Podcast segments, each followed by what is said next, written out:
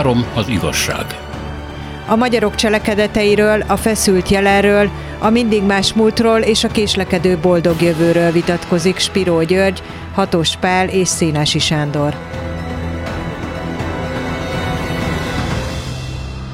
Üdvözlet az uraknak! Ma egy nagyon érdekes személyiségről, egy történészről fogunk beszélgetni, Szegfű Gyuláról tudnélik, aki hát három korszakban is, hát persze változó mértékben, mert ugye a korai ifjúságában még nem volt olyan híres, de a monarchiában is élt és írt és dolgozott, aztán a horti korszakban is később nagyon sokan a horti korszak egyfajta propagátorának is tekintették az ő történészi működését, és hát megélte 45-öt, az 50-es éveket, mm, és ha jól emlékszem, akkor 45-ben rendkívül és meghatalmazott követ lett abban a Moszkvában, amivel kapcsolatban hát elképzelhetetlen lett volna, hogy ez az ember oda kerül, és gyakorlatilag a szovjet-magyar kapcsolatok egyik propagátora lett, támogatója lett. 1948-ban persze fölmentik, amikor a kommunista hatalomátvétel, a totális hatalomátvétel megtörténik, bár pontosan az 49 talán. Szóval Szegfű Gyula, akiről annyit tudnak az emberek, vagy talán annyit tanítanak a iskolákban, hogy a három nemzedéknek a írója, ez még ugye a 20-as években írt, 1920 körül, és aztán, hogy Hóman Bálintal együtt, akit egyébként később a Népbíróság elítélt, a Magyar Történet című mű szerzője, társszerzője. E, tehát három korszakban él, és valamiképpen megpróbálja az újkor magyar történelmét megfogalmazni, hogy mik vagyunk, hova tartozunk, milyen értékeink vannak, és hát főleg, ez ugye egy nagyon fontos tulajdonsága a magyar értelmiségnek, hogy hol csesztük el az egészet. Mert hogy Szegfű erről is híres, ugye, hogy ezt ő kitalálta, hogy hol rontottunk el. Szóval mit gondolsz róla? Nekem Szegfű kedvenc történetíróm. A történészek között ő egyfajta nagyon is vitatott, nagyon ellenszembes, nagyon megosztó, de kétségtelenül markáns, talán a legmarkánsabb figura, a legmarkánsabb alakja a magyar történetírásnak.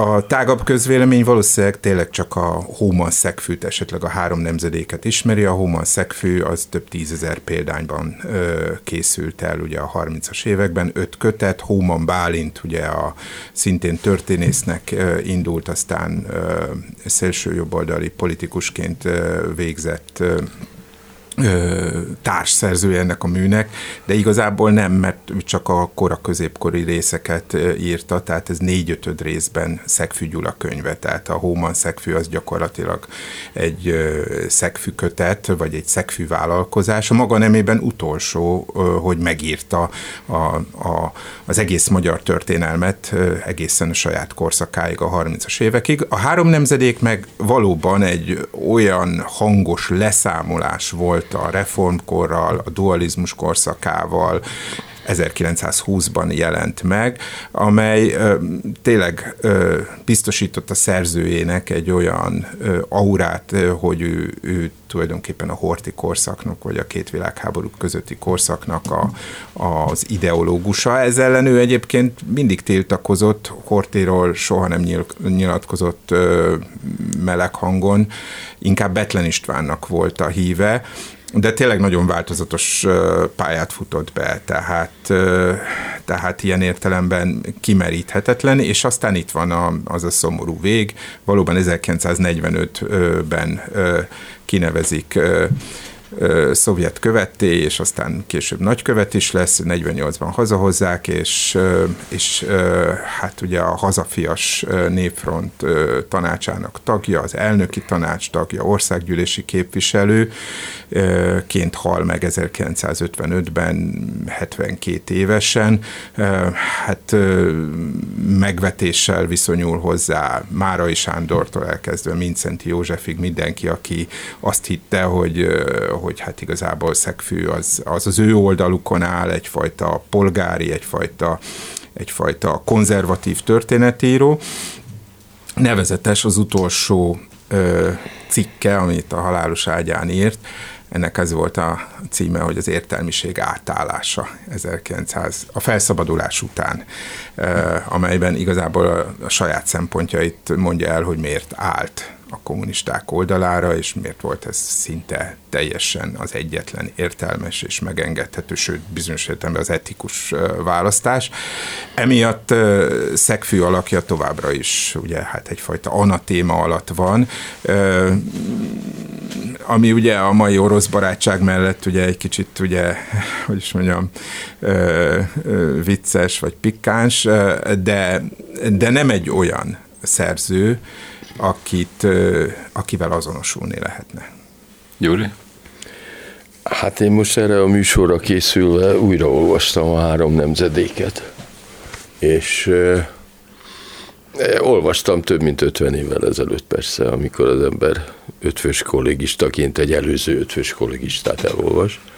Kicsit más dolgokat találtam benne, mint annak idején, amire emlékeztem. A pozitívumok között kell megemlítenem a Három Nemzedék című. Hát ez egy 400 oldalas kötet. A neten elérhető egyébként, tehát még csak könyvtárba se kell érte venni.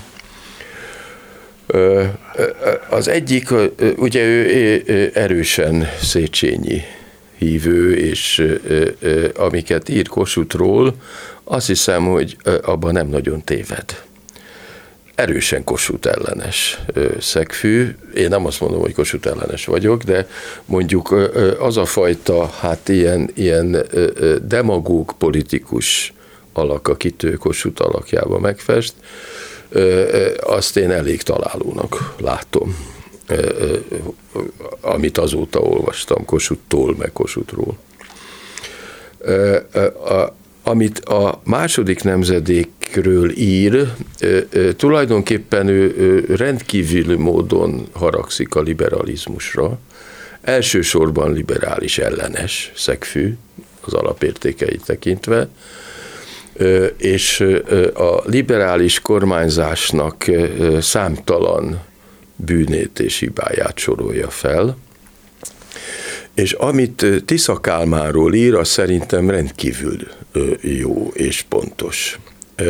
Ugye Tisza Kálmán 1875-ben megalakította a szabad elvű pártot, addig ellenzékben volt, tehát a kiegyezés ellenzékét vezette, mint egy, de akkor alapított egy új pártot, és kitalálta azt, ami utána végig jellemző.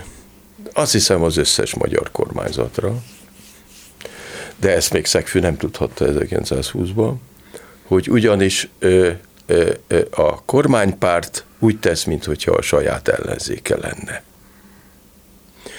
És kettős ideológiája van azóta minden magyar kormánypártnak, azért, hogy kizárja a szélsőségeket, maga képviseli a két lehetséges, lehetséges szélsőséget, és úgy tesz, mintha nem lenne döntéshozó helyzetben. Na most ez tökéletesen igaz Kálmán politikájára, és azóta is érvényes. Ez a kurucos ellenálló szöveg, és közben a labanc viselkedésmód, ez azóta is a magyar kormányzatoknak a lényege. Mindegy, hogy melyiket tekintjük. Ez engem most nagyon meglepett, mert annak idején 50 évvel ezelőtt erre nem figyeltem föl. Ez egy rendkívül pontos látlelet. Na most, ami viszont most jobban elképesztett, mint 50 évvel ezelőtt, az a hihetetlen mély és meggyőződéses fai antiszemitizmus. Na most nagyon érdekes a maga módján ez a fai szemlélet, ugyanis hát 20-ban még nincsen fajvédő intézet, vagy fajkutató intézet, amit aztán tíz év múlva megcsinálnak. Na most az az érdekes, ugye, amikor elkezdik a zsidó törvényeket hozni a 30-es évek második felében, hogy ez a faj kutatóintézet, ez soha nem mondta azt, hogy a zsidóság faj lenne. Ezt tulajdonképpen még a Rosenberg féle náci Németországban sem mondták. Tehát nem állították, hogy fajilag azonosíthatók, de akkor még nem génekről beszéltek, hanem azok a vonások, amelyek alapján a zsidókat a nem zsidóktól, az árjáktól meg lehet különböztetni. De a fai szemlélete Szegfű Gyulának azért érdekes, mert azt mondja, hogy itt nem vallás a zsidóság, hanem faj, ezt nem definiálja, de különbséget tesz a régen Magyarországon élő Dunántúli zsidók és a galíciai bevándorlók között.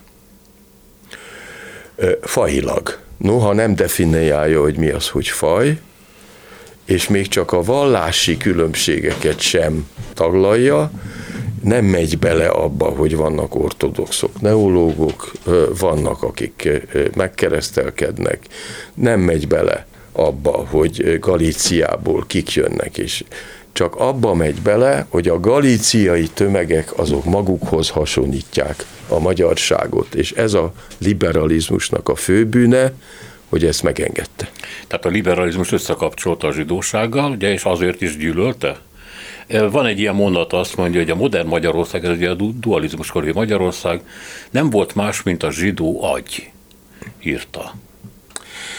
Ő a magyar liberalizmust azért teszi felelőssé, hogy átengedte a zsidóságnak a kezdeményezést, hogy a magyar liberalizmus az a magyarság a fajnak tekintett magyarság Széchenyi által megnevezett rossz tulajdonságaira épített, a tunyaságra, a szalmalánkszerű lelkesedésre.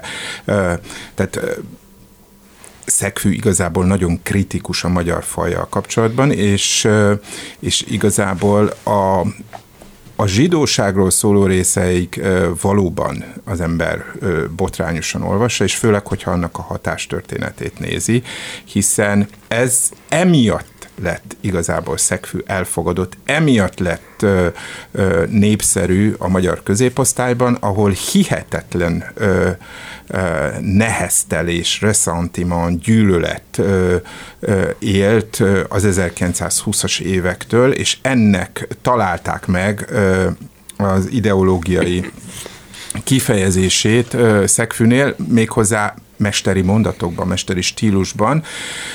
Bár azt írja ugye az egyenlőségben Szabolcsi Lajos, azt írta, hogy hát nem úszító, nem ez a kocsmai útszéli hang, és hogy hát a magyar zsidóságot ugyan a vád padra ültette, de hát nézzük meg, ezen a vádpadon ott van ötvös, ott van deák, ötven kosút, ott van kosút, igazából nem egy rossz társaság, azt is tegyük hozzá, hogy aztán ö, Szegfű már két évvel később egy tanulmányában leszámol a biológiai jellegű fajelmélettel csak anekdótaszerű, hogy ugye Szabolcsi fiait a zsidó törvények ellenére felveszi a bölcsészkarra, ugye a későbbi irodalomtörténészt is, Szabolcsi Miklóst, és hát neki magának is zsidó felesége lesz, 19-ben még csak együtt élnek, valamikor 25-ben veszi el feleségül, de tény és való, hogy a három nemzedék első kiadása az, amely, amely a jobboldali, és ennek a jobboldalinak is igazából a szélső jobboldali életérzését nagyon ki tudta fejezni.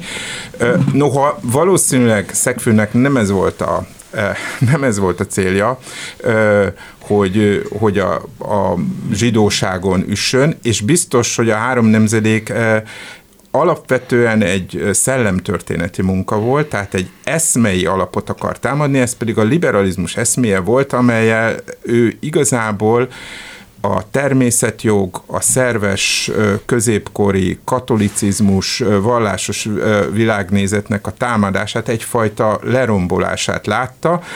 Elég mesterségesen megalkotta Széchenyi mítikus figuráját, amire aztán kötetek sorát építette Széchenyi igéi, meg stb. De aztán végül egyébként Széchenyiből is kiábrándult, már nem Széchenyiből, hanem abból, hogy regenerálni lehet a magyar társadalmat. Ne felejtsük el, hogy ugye ugye 20-ba adják ki a három nemzedéket, és 34-ben a harmadik kiadásnak van egy szinte könyvterjedelmű utószava, és abban van egy nevezetes kifejezés a horti korszakra, ami egy teljesen kritikus, ez a neobarok. Aha. Tehát amivel kifejezi esztétikai értelemben építészettől elkezdve a középosztály, a hivatalnok középosztály perzsaszőnyeggyűjtésén át, hogy, hogy nem sikerül megoldani azokat a problémákat, amelyeket a társadalom felvetett, ez továbbra is konzervatív szemléletből nézi, de egyre kritikusabban, és ez a kritikája egyébként a saját egyháza ellen is nagyon-nagyon finoman, de, de jelentkezik. Ő az egyik első, aki a korunk szava, a vigília, stb. révén a francia neokatolicizmusnak a, az egyik hazai hírhozója, hogy kis közösségek, bensőséges vallásosság,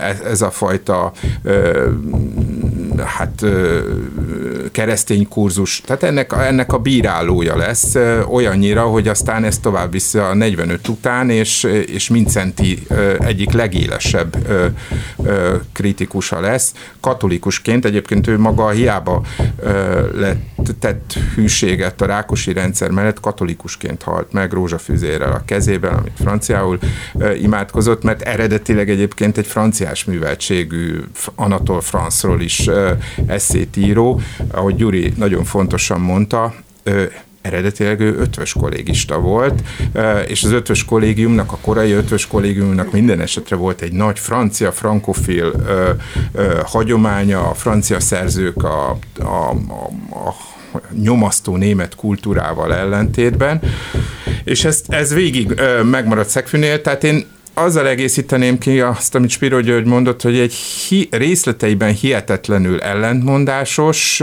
és rendkívül gazdag életmű, amelyben nagyon könnyen akadhatunk olyan részletekre, amelyek, hát amelyek, amelyek igen botrányosak. Tényleg csak egy dolog, Endre László, ugye, aki a magyar vészkorszak egyik legfőbb felelőse, belügyi államtitkár, aki ugye a deportálások gyakorlati megvalósítását szinte végigvitte, a népbírósági perében esetben azzal védekezett, hogy hát ő tulajdonképpen egy fegyelmezett hivatalnok volt, de hát a zsidó ellenessége miért ne alakult volna ki benne, amikor elolvasta Szegfügyulát, meg hallgatta Ravasz Lászlót. Tehát ezekre a magas presztízsű. Művel, presztízsű és rendkívül művelt emberekre hivatkozva próbált elbújni. Hát ugye 45-ben Szegfű nevét, mert mindenki tudta, hogy moszkvai követnek neveztek ki. De miért nevezték ki moszkvai követnek? ezt tudjuk világosan. Szentgyörgyi Albertel együtt vitték ki 45 nyarán Moszkvába repülőúttal, egy nagyon érdekes repülőút volt, ugye Szentgyörgyi is elvállalta a Magyar-Szovjet Baráti Társaságnak egyfajta Zilaki Lajossal együtt. Olyan kellett, aki nem kommunista, és hangsúlyosan, aki nem zsidó. Ez volt a szovjet elvárás 45-ben.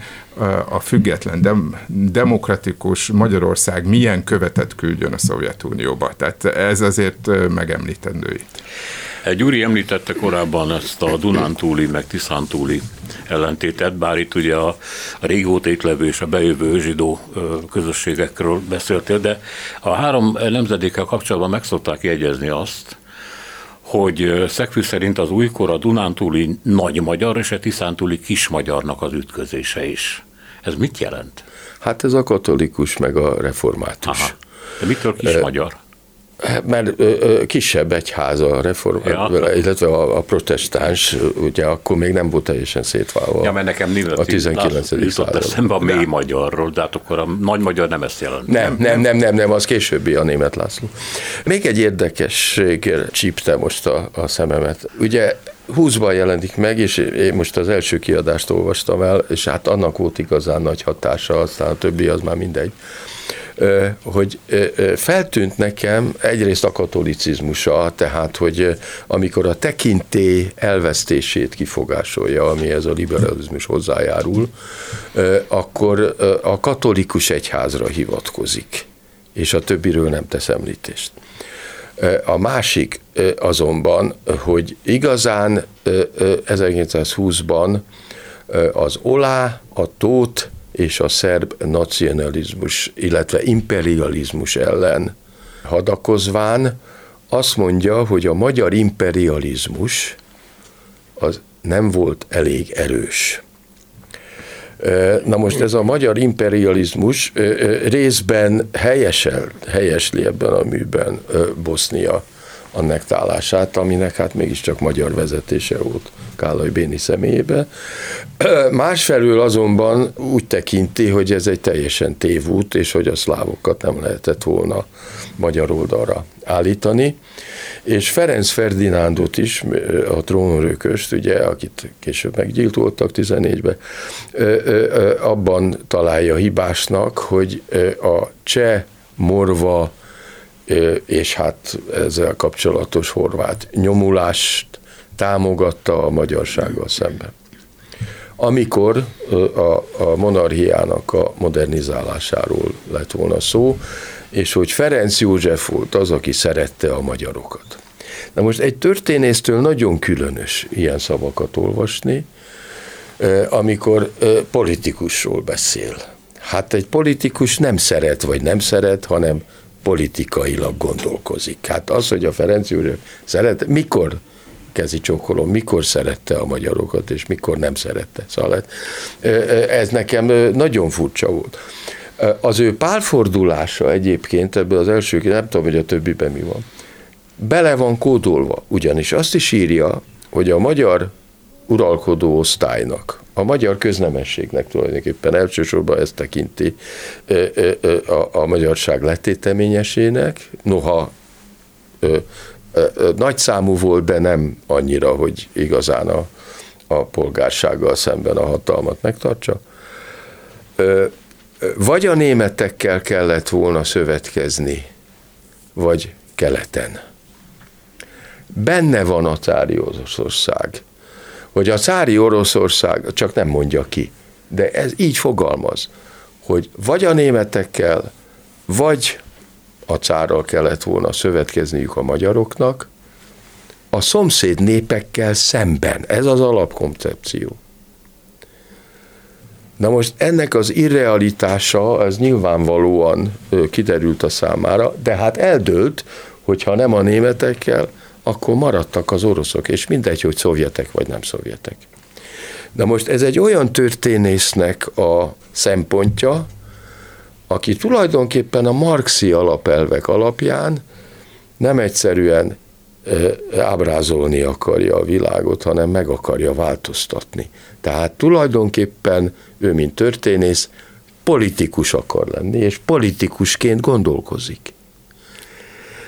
Na most ez természetesen nem csak a szegfűnek volt a hibája, hanem nagyon-nagyon sok történésznek és nem csak Magyarországon, és nem csak Közép-Európában, és a filozófusoknak is, akik úgy gondolták, hogy politikussá kell válniuk. Innen folytatjuk a hírek után Hatos Pállal és Piro Györgyel. Három az igazság.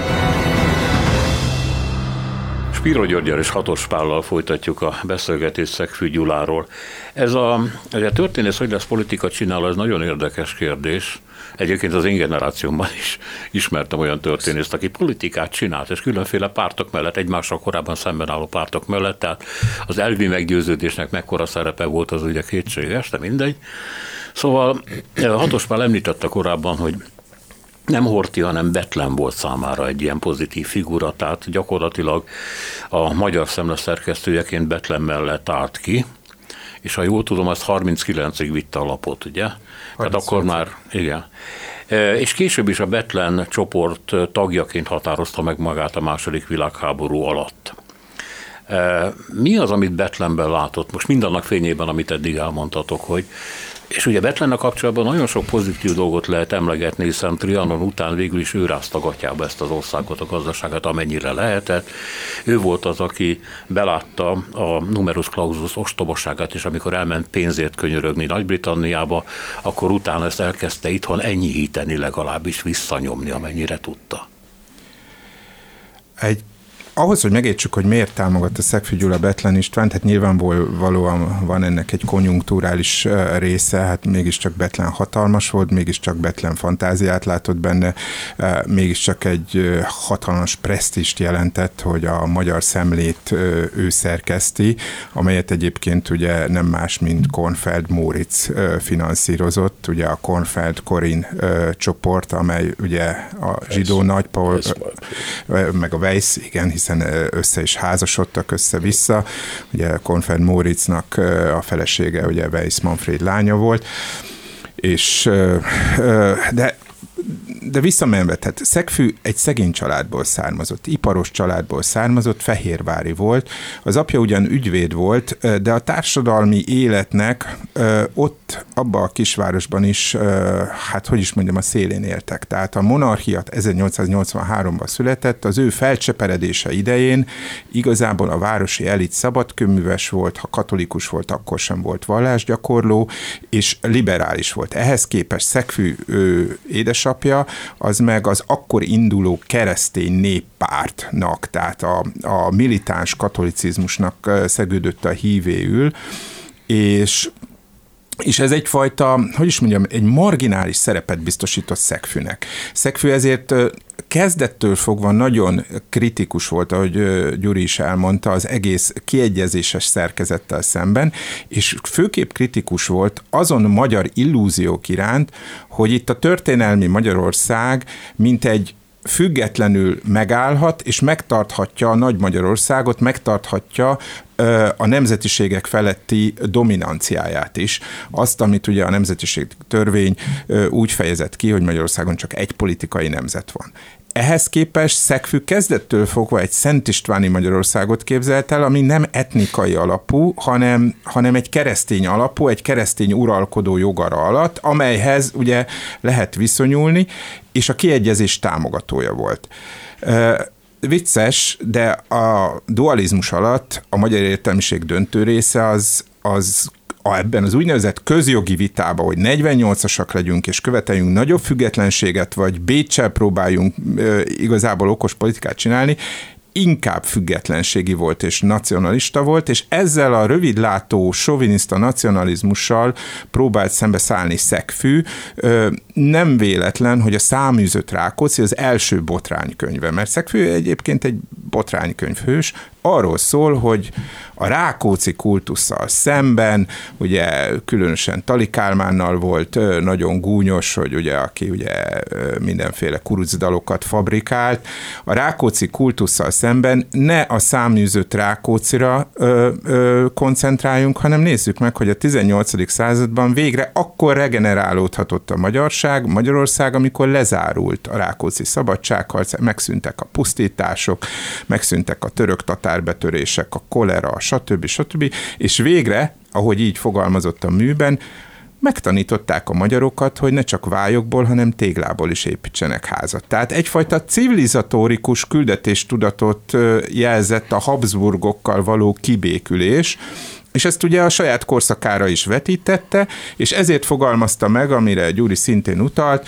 hogy vagy az orosz, vagy a német. Ő a keresztény, germán civilizációt, ezért sokan így a fasizmus előhírnökeként is bélyegezték meg, ami egyáltalán nem igaz, hiszen 33-tól kezdve támadta Hitlert és, és, és a nemzeti szocializmus, de az tény is való, hogy sokáig ugye ez a germán kultúrkör, hogy a német civilizáció adott kultúrát Magyarországnak, a német civilizáció adott egyfajta és mondjam, társadalmi szilárdságot annak a, hát igen rossz véleménnyel volt a magyarokról, annak a fajta nomád álhatatlanságnak, ami, amiben a magyarok leledzettek. Tehát innen indul. Betlenben mit látott? Azt, hogy itt volt ez a rettenetes pusztítás, az összeomlás, Trianon, a forradalmak, és jön valaki, aki nem ö, szélsőségesen válaszol, hanem megpróbálja azt összeszedni, ami megmaradt ebből az összeomlott országból,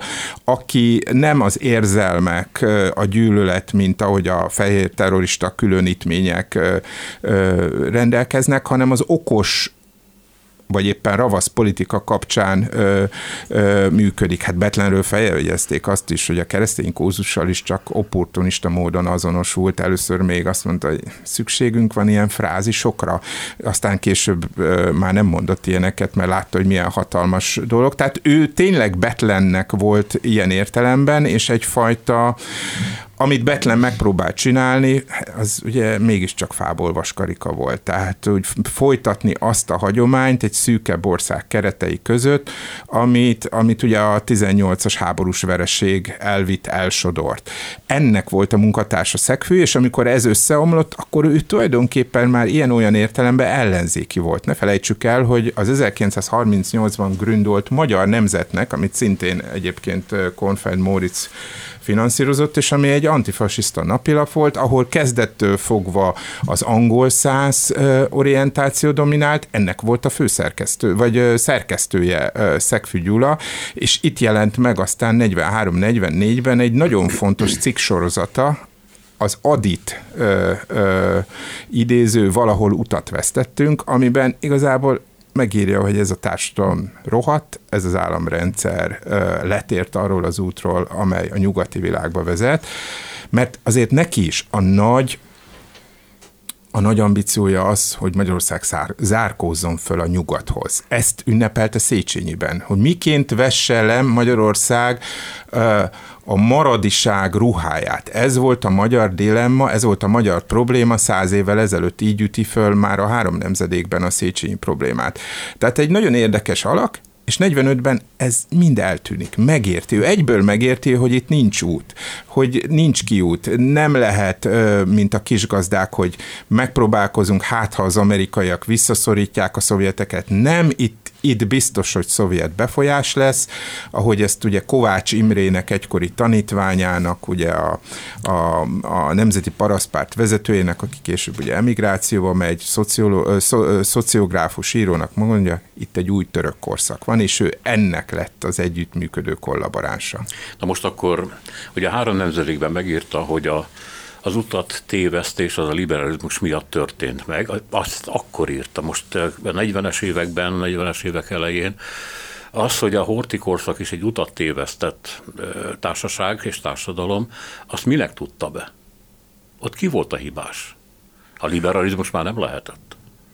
Sőt, ugye azt is szemére hányja, hogy a kritikusainak, hogy hát most már engem is liberálisnak kezelnek, és tulajdonképpen eljut a liberalizmushoz abban az értelemben, hogy, hogy az ellenzék része lesz, a, a horti korszak ellenzékének a része. Ő továbbra is azt gondolja, hogy ez a kis magyar út, amíg protestáns, de ennek van egy értékjelzője. A kis magyar az a provinciális. Mhm. Az, ami nem érti meg a nagy összefüggéseket, amely a nemzeti büszkeségnek hódol, amely, amely nem látja meg, hogy, hogy az önteltséggel nem lehet hozzá előrébb jutni. Ugye német László ezért gyűlölte is Szegfű. Írt egy egész könyvet azzal címe, hogy Szegfű amelyben, és egyébként német László nyomán Bibó is rettenetesen negatív volt, hogy, hogy Szegfű ez az elftelen realista, aki mindig elfogadja azt, ami úgymond a nagyhatalmi realitás. Ez egy, ez egy azóta is tartó vita. Mit kell a kis magyar politikának követnie? A magyar zonder véget, a magyar külön utat, hogy mi magyarok különbek vagyunk, mint akárki más itt, hogy mi itt magyarok vagyunk az egyetlen képviselői a békének, nincsenek szövetségeseink, stb.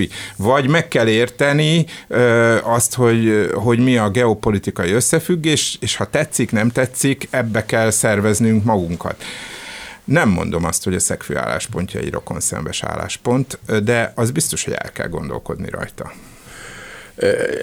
Ugye Adit idézi a 30-as évek végén, de a 20-as évek elején még Adi a negatív példa. Hát a, azzal zárul a három nemzedék, hogy Adit és Tisza Istvánt állítja szembe egymással. Adi a beteg és dekadens, és Tisza, Tisza István az ép.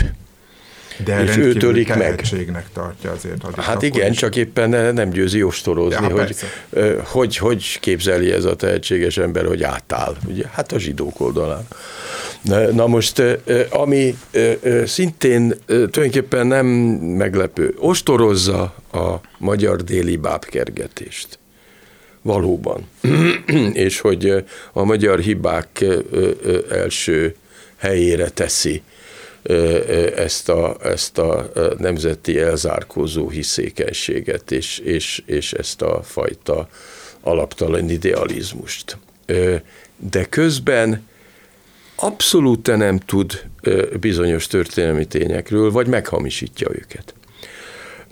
Egyszer ebben a műsor folyamban már említettem, de most muszáj, mert tehát Szegfőnél nagyon hangsúlyosan szerepel, hogy a galíciai bevándorlók és migránsok, ugye a zsidók, nem vándoroltak be. Ott történelmet hamisít sajnos egy történész, amikor azt mondja, hogy a románok bezzeg nem engedték be a zsidókat, de mi magyarok beengedtük őket. Nem engedték be a magyarok, hanem azok ott éltek évszázadok óta, és 1793-ban kerültek Ausztriához, amikor felosztották utoljára Lengyelországot. És úgy tesz, mintha ez a Galícia, ez nem az osztrák birodalom része lenne 1793 óta, Ráadásul ugye Krakó 1815-től és környéke 1815-től 1846-ig az városállam volt, csak akkor volt egy felkelés, izé, és akkor annektálta Ausztria, nem Magyarország, Ausztria, az osztrák birodalom, amelybe Magyarország is beletartozott. Tehát nem volt határ Galícia és Magyarország között, hanem az mind a birodalom része volt. És amikor 1867 vagy 68 megadják az egyenjogúságot az összes nemzetiségnek, meg még magyar-horvát kiegyezés is van, akkor a zsidók nem csak a Mária Teréziai értelemben költözhetnek Magyarország, hanem bárhová mehetnek, ahol meg tudnak élni. Tehát egyenlő polgárjog illeti meg őket. Szó nincs migrációról, szó nincs bevándorlásról, hamisít, amikor azt állítja, hogy az orosz-lengyel területekről áradnak be a galíciai zsidók, ugyanis onnan nem tudtak beáramlani, maximum pénzért elmehettek Amerikába, hogyha megkenték a hivatalnokukat. Sehova máshova nem mehettek. Tehát ez egyszerűen nem igaz. Hamisít, amikor bizonyos népszámlálási adatokat közöl, és amikor azt látja, hogy csökken a zsidóknak a, a, a, az aránya ilyen-olyan városokba, akkor azt elhesegeti, hogy hát nem, az nem számít csak az, hogy addig mennyire szaporodtak, túlszaporodtak. Egy millió zsidó él a tízmilliós magyar kebel, 10 milliós magyarság kebelén belül, ez pontos adat egyébként, ez a magyarság egy tizede. És ezt nem bírja elviselni, mert hogy bizonyos orvosi, meg ügyvédi, meg egyéb pályákon túl vannak reprezentálva.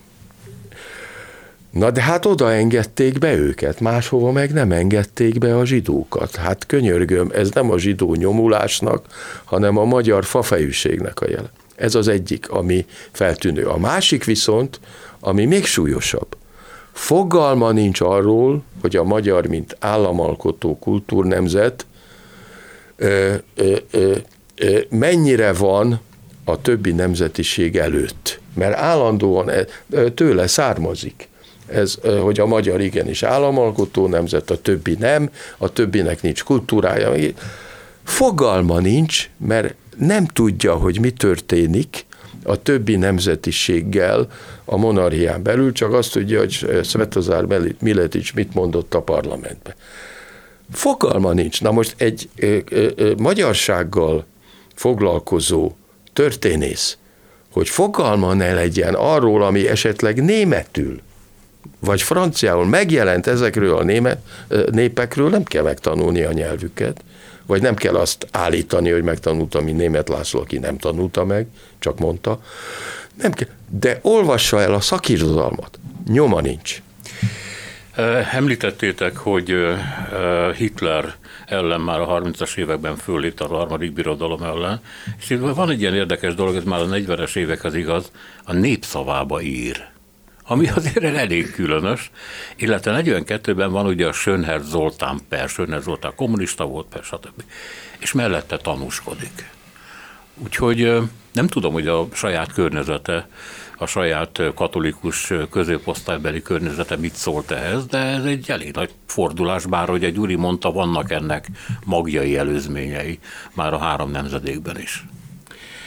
Igen, kétségtelen ugye a Magyar Történelmi Emlékbizottságnak a tagja, és ő a katolikus és szocialista ellenes, ugye a Népszava híres karácsonyi számában ír, és aztán 1944 márciusa után illegalitásba megy.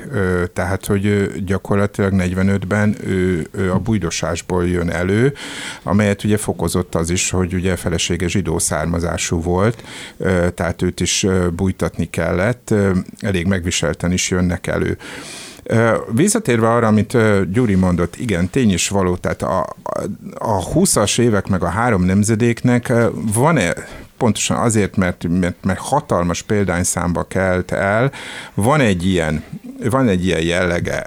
A trianoni fájdalomnak nyilvánvalóan bizonyos értelemben Szegfű is udvarolt.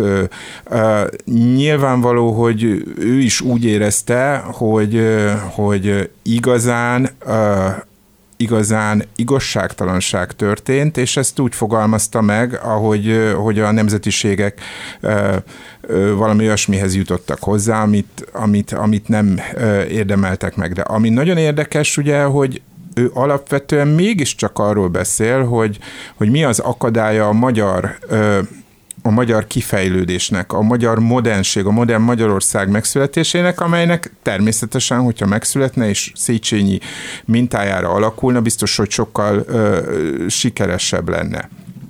Ö, tehát azt is mondhatjuk, hogy 1920 után ezen mű után, amely számára tényleg kultuszt, hírnevet, stb. szerzett, ő ő egyre erőteljesebben kultúrpesszimista, és, és nem, nem lesz a rendszernek a propagátora, a magyar szemlében nyilvánvalóan megszűrve, de azért megjelenik például a földkérdés, ugye Kerék Mihály ö, ö, dolgai, és, ö, és a 30-as évek közepétől, tehát ahogy a magyar nemzetben is, meg, meg egyebet is, hát ö, ha elméletileg nem is, mert erre nem hajlandó, Szegfű nem volt hajlandó az önkritikára soha semmilyen ö, formában, de gyakorlatilag revízió alá veszi az antiszemitizmusát, hiszen pontosan fellép ellene, méltatlannak tartja, azt is mondja, hogy, hogy a magyar katolicizmus, kereszténység kimerül a zsidó ellenességben, és hogy ennek semmi köze a kereszténységhez.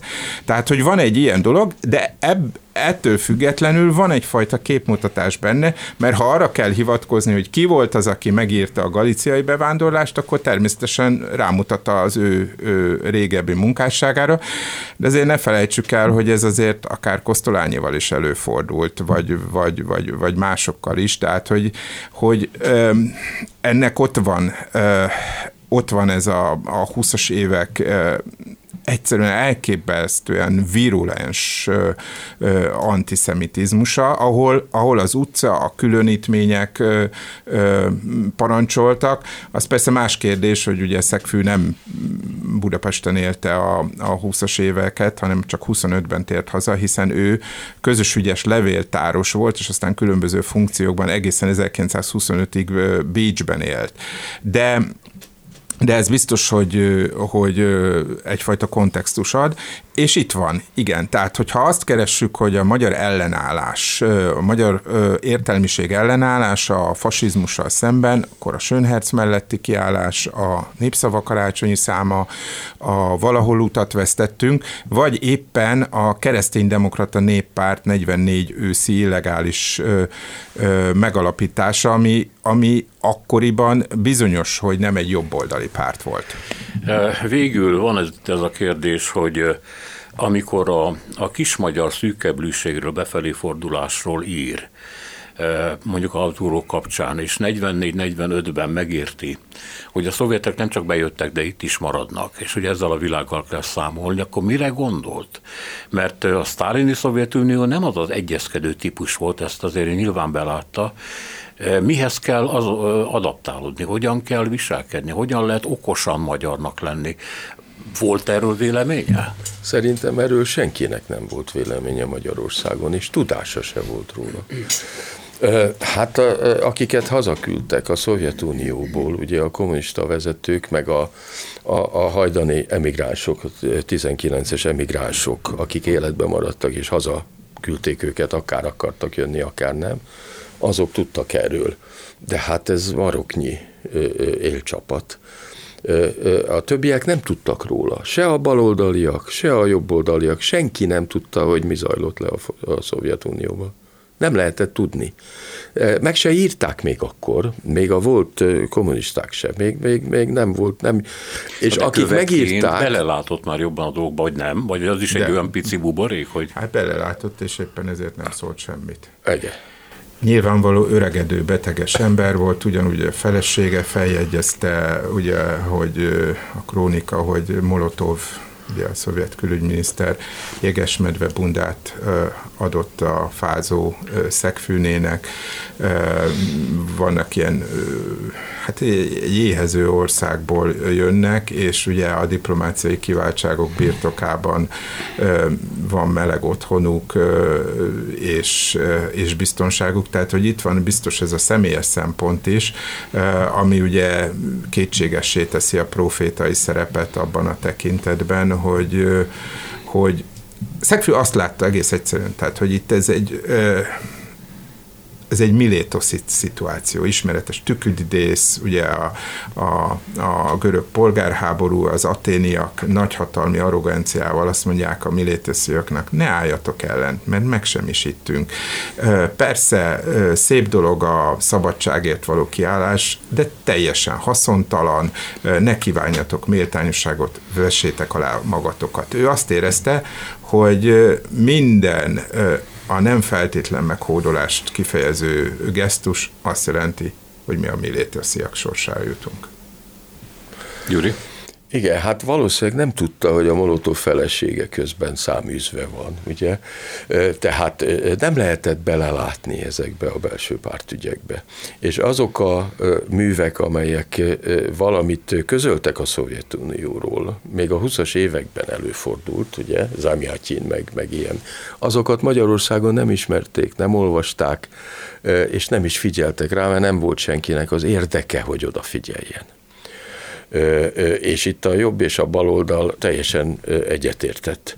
Annak idején, ezt már egyszer mondtam, a Nagy Lajos és az I. és Gyula mentek ki a Szovjet Írószövetség alakuló kongresszusára, amiről ugye I. és Gyula írt egy könyvet, és a Nagy Lajos azzal bírálta meg, hogy milyen fantasztikus, hogy milyen nagyszerű költő az I. és Gyula, mert együtt voltunk ott abban a gyárban, és hát ne, nem az hangzott el, amit az I. és írt, de mennyivel jobban tudja a költő mint a valóság. Tehát csak hazudozás folyt, József Attila belelátott, fölmérte. Azt, hogy konkrétan mit tudott, azt nem tudjuk, de hát neki... De nem kellett elmenni a Szovjetunióba, hogy Nem kellett. Hát Miroslav Klezsa fölfogta, de még a kommunisták se nagyon tudták. És úgy kb. 55-ig, 56-ig kell várni, amíg azért kiderülnek bizonyos dolgok. Tehát ezért nem lehet őket felelőssé tenni, hogy nem tudták, hogy ez a keleti hatalom igazán hogy működik.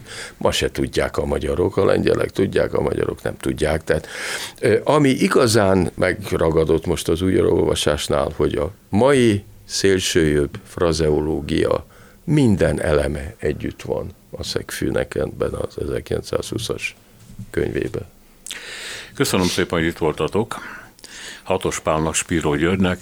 Önöknek köszönjük a figyelmet. A műsor szerkesztője Selmeci János volt a műsor eh, vezetője, Szénás és Sándor. Még egyszer köszönjük minden jót.